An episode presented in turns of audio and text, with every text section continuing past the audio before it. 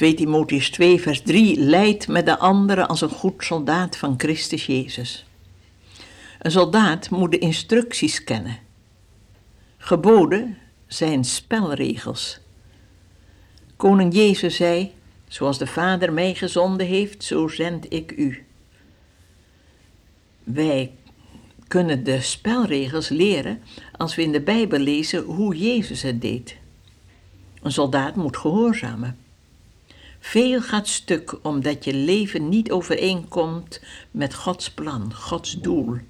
Het woord zondige betekent je doel missen.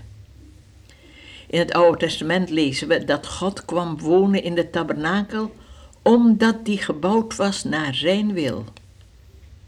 Waar vechten we naartoe? Naar een toekomst waar deze aarde bedekt zal zijn met de kennis des Heeren zoals de wateren de bodem der zee bedekken. Er komt hier, hier op aarde een troonswisseling van de vorst der duisternis naar de vorst van het licht.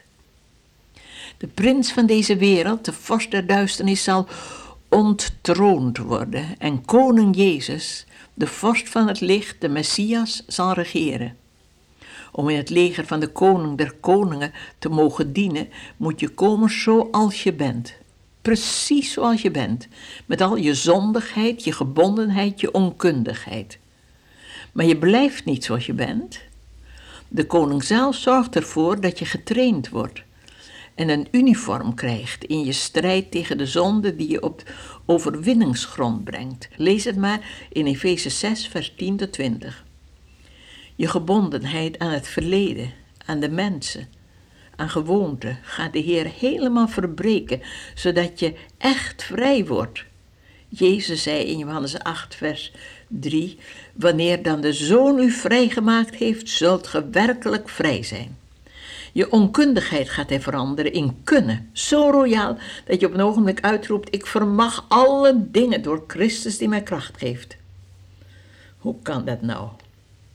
Door alle deuren en ramen en laadjes en portefeuilles open te doen voor den Heer Jezus. Je kamer was ineens licht vanmorgen toen je de, het gordijn openschoof. Zo is de Heilige Geest klaar om binnen te komen overal waar de deurtjes opengaan. Dat gebod, het heerlijkste, meest blijde gebod van de Bijbel, wordt vervuld van Gods Geest, gaat dan ineens gebeuren. Jezus wil door zijn geest in ons wonen. En dan komt de vrucht des geestes en de gave des geestes in één stukje volle beschikking.